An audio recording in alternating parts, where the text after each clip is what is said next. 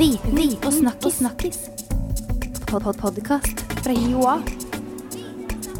Viten og snakkis. Hei og velkommen til en ny episode av podkasten Viten pluss snakkis. Jeg heter Halvard Lavoll, og i dag skal vi eh, snakke om eh, noe som eh, mange kjenner som asperger, men som har fått et helt nytt navn. Og dette skal vi finne mer ut om veldig snart. Velkommen i studio, Kirsten eh, Ribu. Ja, tusen takk. Eh, du jobber på Institutt for informasjonsteknologi her på Oslo OsloMet. Det stemmer. Du underviser studentene våre der. Jeg underviser studenter på bachelorutdanninger, Ja. men har også noen masterstudenter innimellom. Nettopp. Og så har du da engasjert deg veldig for studenter med det med da før kalte hadde asperger. Ja, Asperger syndrom Mm. var en eh, vanlig diagnose, men det har skjedd en endring når det gjelder diagnostisering da, av mennesker med det vi i dag kaller autismespekterforstyrrelser. Mhm. Det er et langt og vanskelig ord. Men dette spekter, det vet man, det er jo akkurat som regnbuen. Altså det er jo et, en stor spredning på symptomer, tilstander, og hvor det er mye forskjellig. Slik at Asperger syndrom er eh, litt avleggs. Noen kaller seg selv eller sier at de har asperger, noen sier at de har autismespekterforstyrrelser. Men altså det er veldig mange ulike ting vi snakker om her. Mm. Men du, du må forklare meg hva som gjør at en fagperson innenfor informasjonsteknologi engasjerer seg for dette medisinske eh, feltet her. For det første så er jeg eh, både informatiker og billedkunstner, så jeg har også et spekter av interesser. Og for det andre så er det en overhyppighet av studenter med autisme, spekterforstyrrelser på datastudier. Nettopp. Og det handler kanskje først og fremst om at eh, de er mer venn med datamaskinen enn de er med mennesker og sosiale sammenhenger. Hvorfor er det lettere med datamaskin? Fordi datamaskinen er logisk. Den gjør akkurat det du ber den om å gjøre, forhåpentligvis, eller som er oftest. Og er veldig lett å kommunisere med. Mens mennesker de er som du vet, litt irrasjonelle, og de sier én ting, og så mener de noe annet, og så trekker de på smilebånd eller hever øyenbrynene og har litt kroppsspråk og sånne subtile ting som kan være veldig vanskelig å tolke for disse menneskene som har det vi kan kalle også en kognitiv variant. Altså de tenker litt annerledes enn oss, og oppfatter verden og andre mennesker litt annerledes enn oss andre, da. Vi kan ikke akkurat kalle oss normale, vi har sluttet å bruke sånne uttrykk, ikke sant? Hva heter det nå? Hvis ikke Nei, altså hvis, hvis man skal kalle det et vitenskapelig navn, så sier vi nevrotypikere. Altså de som har det liksom typiske nevrologiske, mens det andre er en, en variant, eller varianter, da. mm. Så, sånn at da, da opplever en at det er flere med disse variantene på, på studiene der du, du jobber? altså? Absolutt, altså. Og det har vi begynt å se mer og mer av. Mm. Og det vet man egentlig ikke årsaken til, og vet heller ikke akkurat hvor mange det dreier seg om, men å si kanskje hvis 1% av befolkningen har en variant innenfor autismespekteret, da, så det jo, blir det en god del individer. Og hvis det også nå viser seg, og det tror man, at det er en overhopning på datastudier, så har vi jo faktisk ganske mange. Noen er helt skjult, og noen har en diagnose og ber om tilrettelegging når de kommer til oss. Mm. Ja, for det jeg satt og tenkte på. I, i hva grad vet en sjøl at en har eh, denne her atypiske Ja, det kan du si. Det, det er faktisk mange som kanskje ikke vet. Mm. Men det er mange som får diagnose, og det er man jo blitt flinkere til i våre dager. Mange får en diagnose allerede som barn eller ungdom, og da er det jo foreldrene eller barnehagen f.eks. som oppdager at det er noe som er litt annerledes, noe som kan være problematisk med kommunikasjon. Eh, man sier også de kan ha litt sånn repetitiv eh, oppførsel. De gjør de samme tingene om igjen og om igjen. Henger seg opp i noe, vil ikke møte blikk. Altså trekker seg vekk, isolerer seg. Sånne ting, da. mm. Og hva gjør dette her med en student? Det kan jo ikke være helt enkelt å være student og, og, og ha dette her. For en, like mye som en skal leke med datamaskinen, så skal en jo òg være en del av et studentmiljø. Nemlig. Og det er jo eh, ofte problematisk. Det er der problemene kan begynne. Fordi de kommer fra skolen hvor det er en viss grad av tilrettelegging. Og de har fått hjelp eh, til faglige ting, og de er ofte faglig veldig sterke. altså Det er ikke noe i veien med hodet sånn sett. Men så kommer man altså til et universitet, eller sånn som hos oss der nede på informasjonsteknologi og svære lokaler, digre forelesningssaler, og bli helt lost. Og så skal man finne gruppe, og så skal man uh, lære seg all, alle disse tingene, og finne fram i en jungel av bøker og rom og fag og ja. Det er krevende. Ja. Hva, hva, skjer da? Ja, da kan, det, da kan det være litt tilfeldig, altså. Det, vi har jo en altså, Nede hos oss driver vi veldig tett, vi er egentlig to stykker som driver med tilrettelegging. En tar seg av det praktiske, og jeg tar meg av det pedagogiske. Mm. Så det, da blir vi kontaktet enten av foreldre eller av tilretteleggingstjenesten sentralt. Og så gjør vi intervjuer eller møter disse studentene, ofte sammen med foreldrene også. Mm. Fordi alle har jo foreldre, familier, noen har partnere. Altså det er uh, mange mennesker som er involvert. Når vi har én student, så er det jo et nettverk rundt også. Og da prøver vi å finne ut hva denne personen kan trenge. Ofte er jo dette med grupper og store forsamlinger vanskelig, så vi kan gi veiledning én til én. Noen får en mentor. Eh, noen klarer helt fint å jobbe i gruppe, men vi følger opp. Vi følger litt tett med, for det er lett å falle fra. Og hvis det faglige begynner å gå på tverke, så blir det jo store hull, og de kan bli hengende etter. Mm. Eh, kan du si litt mer om, om det, kjennetegn? Fordi at eh, en ting er du, du ser jo dette er sikkert lett nå, og erfaring med dette, men dette er jo noe andre som er i undervisningssituasjonen òg kan komme borti. Hva, hva, skal en se etter, og, og hvordan skal en uh, jobbe med disse studentene? Ja, det, altså det kan være veldig mange forskjellige ting, men det, man kan merke at det er noe som er annerledes. Og det kan være at en person er veldig forsiktig, går mye alene, trekker seg vekk.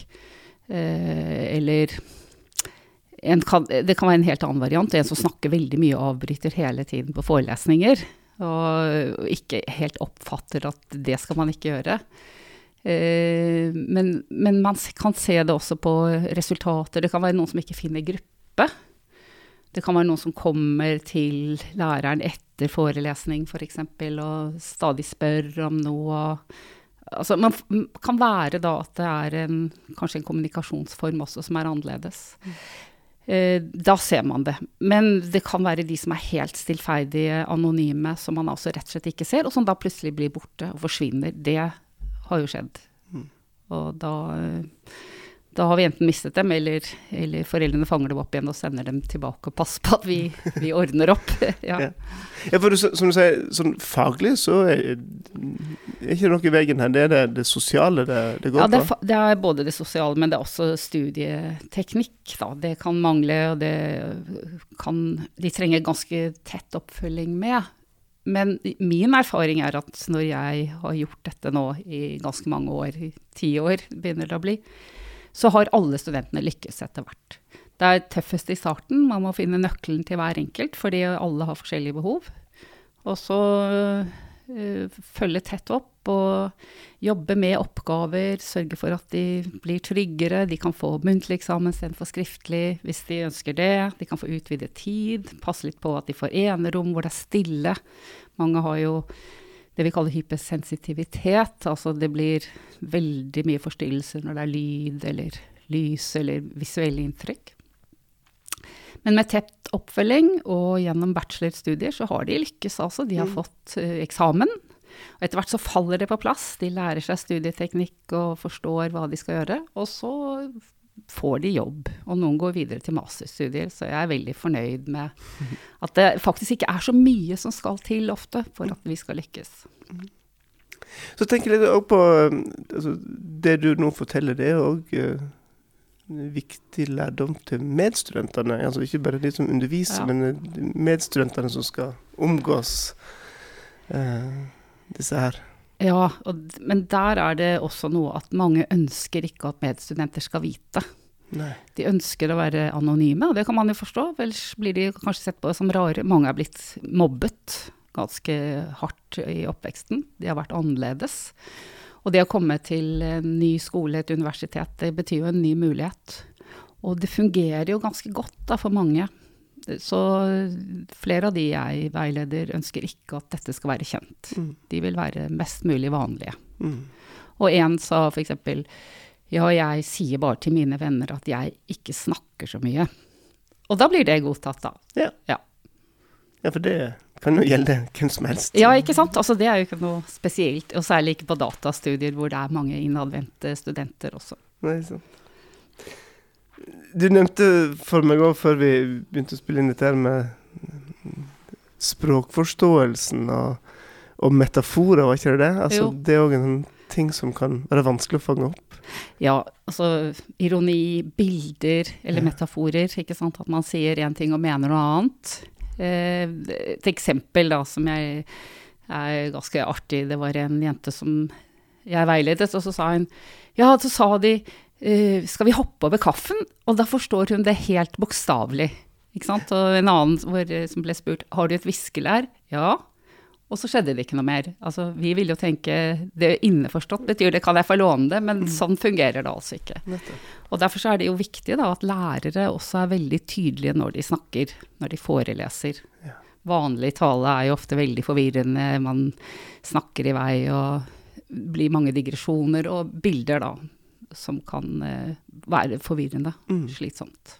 Nettopp. Så klarspråk er gjelder. Klarspråk, og det gjelder jo alle. Vi har jo mange studenter med fremmedspråklig bakgrunn. Vi har jo studenter som er døve, de har med seg døvetolk. ikke sant? Det, da er det lettere for døvetolken også. Mm. Så egentlig så er dette universell utforming av undervisning, da, å uttrykke seg klart fra talerstolen. eller Mm.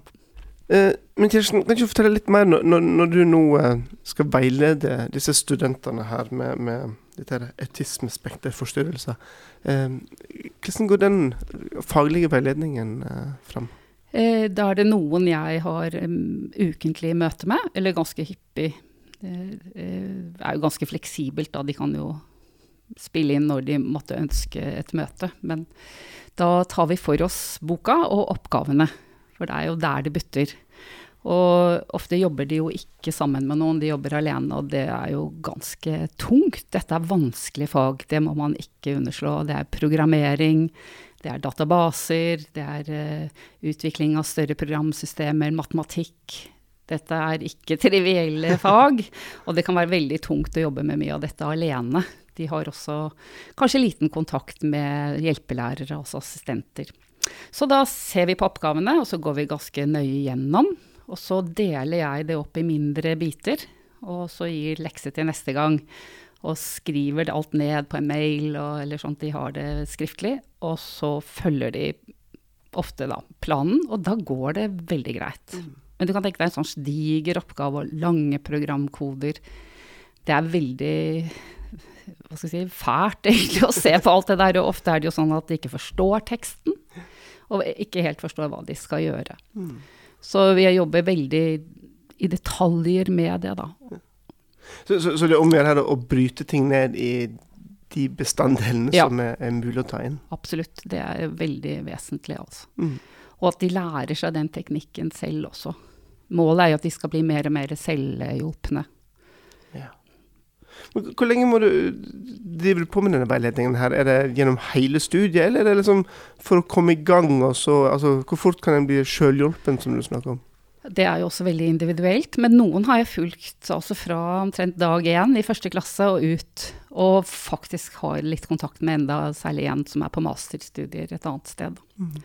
Eh, noen trenger jo veldig, veldig tett oppfølging, også for det sosiale. De har jo Det kan være andre problemer også, eh, med angst og synes at alt er overveldende. Og da kan jeg berolige.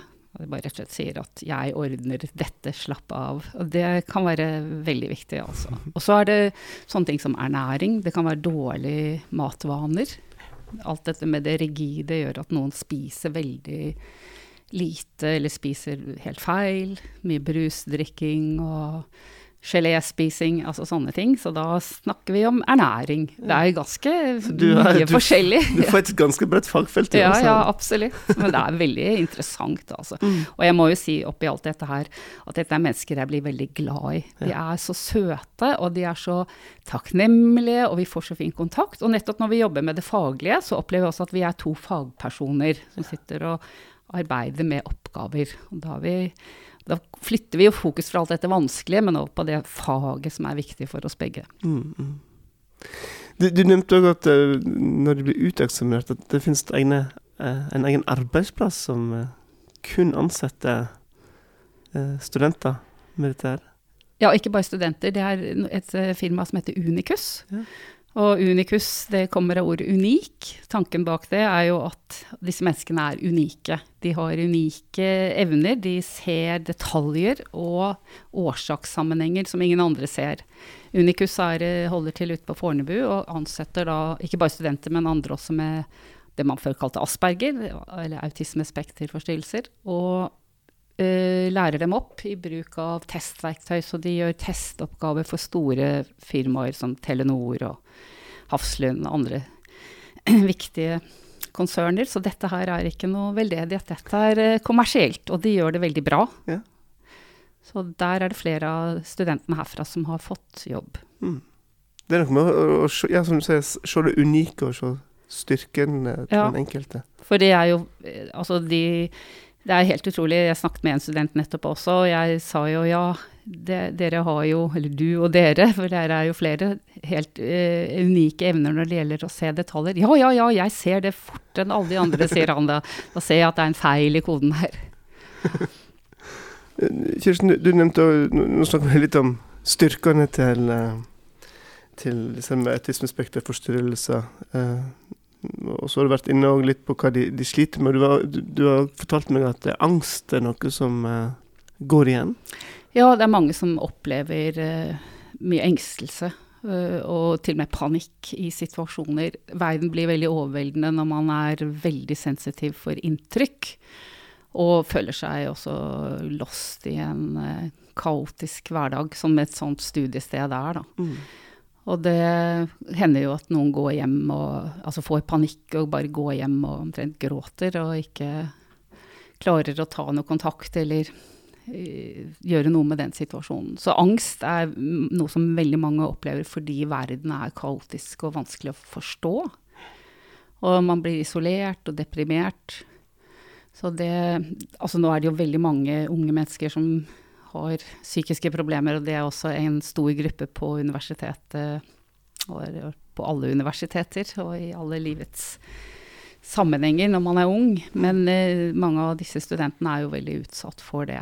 Så det å tilrettelegge også stille sted, gode rutiner, mye struktur rundt hverdagen og studiene, det er også viktig. Eh, Nå forteller du om, om den fantastiske jobben du gjør med, med å veilede og hjelpe og, og, og legge til rette. Men er det mulig å medisinere dette her? Altså få hjelp fra Nei, dette er ikke noe, dette er ikke noe sykdom, og det Nei. er ikke noe kur. Altså det, det som hjelper, er, er å jobbe med seg sjøl. Det forteller jo de som er litt eldre. Jeg har gjort en del intervjuer med eh, voksne, altså fra 30 år og oppover, som har vært studenter, og som har fått seg jobb. Og de sier jo at de får det bedre. De blir eh, roligere. De forstår mer av verden. De bruker sine kognitive evner, altså tankeevnene, da, til å tilpasse seg. Bl.a. ved å kopiere andres atferd. Se på hvordan andre oppfører seg, og så gjør de det samme. Da fungerer jo ting bedre da, i de, de mellommenneskelige relasjonene. Men det er en lang vei dit, altså. Det er ikke noe glansbilde, dette her. Men de, jeg ser det ofte, altså de jobber veldig hardt med seg selv. Og, og lærer seg å tilpasse seg, og da blir jo livet faktisk enklere. Som en sa, det blir jo ikke borte, men jeg får det bedre fordi omgivelsene også reagerer mer positivt på meg. Jeg får ikke så mye mot meg, og da blir det enklere.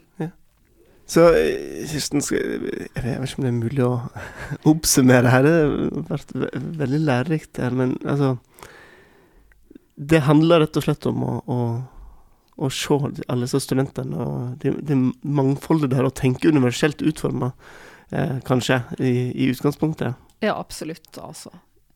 Hvis vi sier, vi sier universell utforming av omgivelser, men vi snakker jo også om universell utforming av utdanning. Altså at alle skal ha muligheten. Er, de har ulike forutsetninger, men alle har rett til å studere. Mm. Og der gjør jo du en fantastisk jobb for å legge til rette. Jo, takk. det er fantastisk å høre på. Og, og hvis du som uh, hører på nå uh, syns dette var interessant, eller har lyst til å lære mer, så kommer vi til å legge ut uh, litt sånn uh, relevante lenker til ulike ressurser, sånn at du kan lese mer, og så kan du selvsagt ta kontakt med Kirsten for gode råd. Du har mange års erfaring med dette, så jeg tipper det er mye å lære av å ta en prat med deg òg. Det er fint. Bare ta kontakt. Ja. Eh, tusen takk, Kirsten, for at du ville komme i studio og fortelle om dette her. Uh, og så får du lykke til videre med studentene dine. Takk for det. Og send dere ut i arbeidslivet med alle deres unike unikheter. Det skal vi gjøre så godt vi kan. Så bra. Og til deg som hørte på, tusen hjertelig takk for at du ville høre på noen episode av eh, podkasten Viten pluss snakkes. Vi kommer selvsagt tilbake neste fredag med en ny episode, så da kan jo du abonnere på dette her podkasten, så kommer den episoden automatisk ned. Da må du ha en videre god fredag. Viten og snakkes snakkis. Pod-pod-podkast fra Joa. Viten og snakkis.